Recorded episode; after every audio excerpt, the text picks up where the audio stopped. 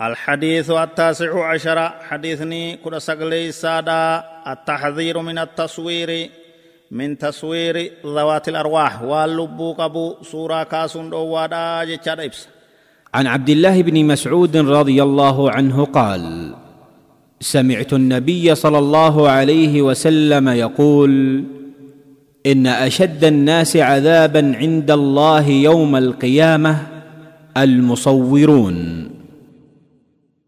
Irra jajjabaan ummataa azaaba gama qixaaxamuu keeysatti guyyaa qiyaamaadhaa warra fotoo kaasu warra suuraa kaasuu jan warra fakkii waan lubbuu qabuu kaasuu jan رواه البخاري ومسلم واللفظ للبخاري حديث كان بخاري في مسلم توديس لفظين تبخاري دي راوين حديث كان من حديث كان أوديس عبد الله بن مسعود لكويس سديتي سينان إساء دبرجر faayidaa hadiisa kanarraa argan.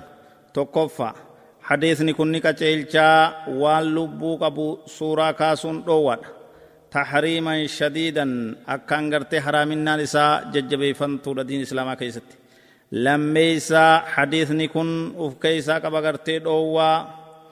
Waan ruuxii qabu waan lubbuu qabu fakkiin kaasinaadhaa jedha maaliif jennaan uumaa rabbiitti fakkeeysuudha isii keeysiidha jechaadha ibsa wanni gartee ruuhii qabu kana kaasaa ooluun durirraa gartee suuraa isii kaasanii fakkii isii godhanii achumaan isii gabbariinsatti ummata geessitee tanaaf diin islaamaa irraa dhoowwee dhoowwamuu qabna jechuudha.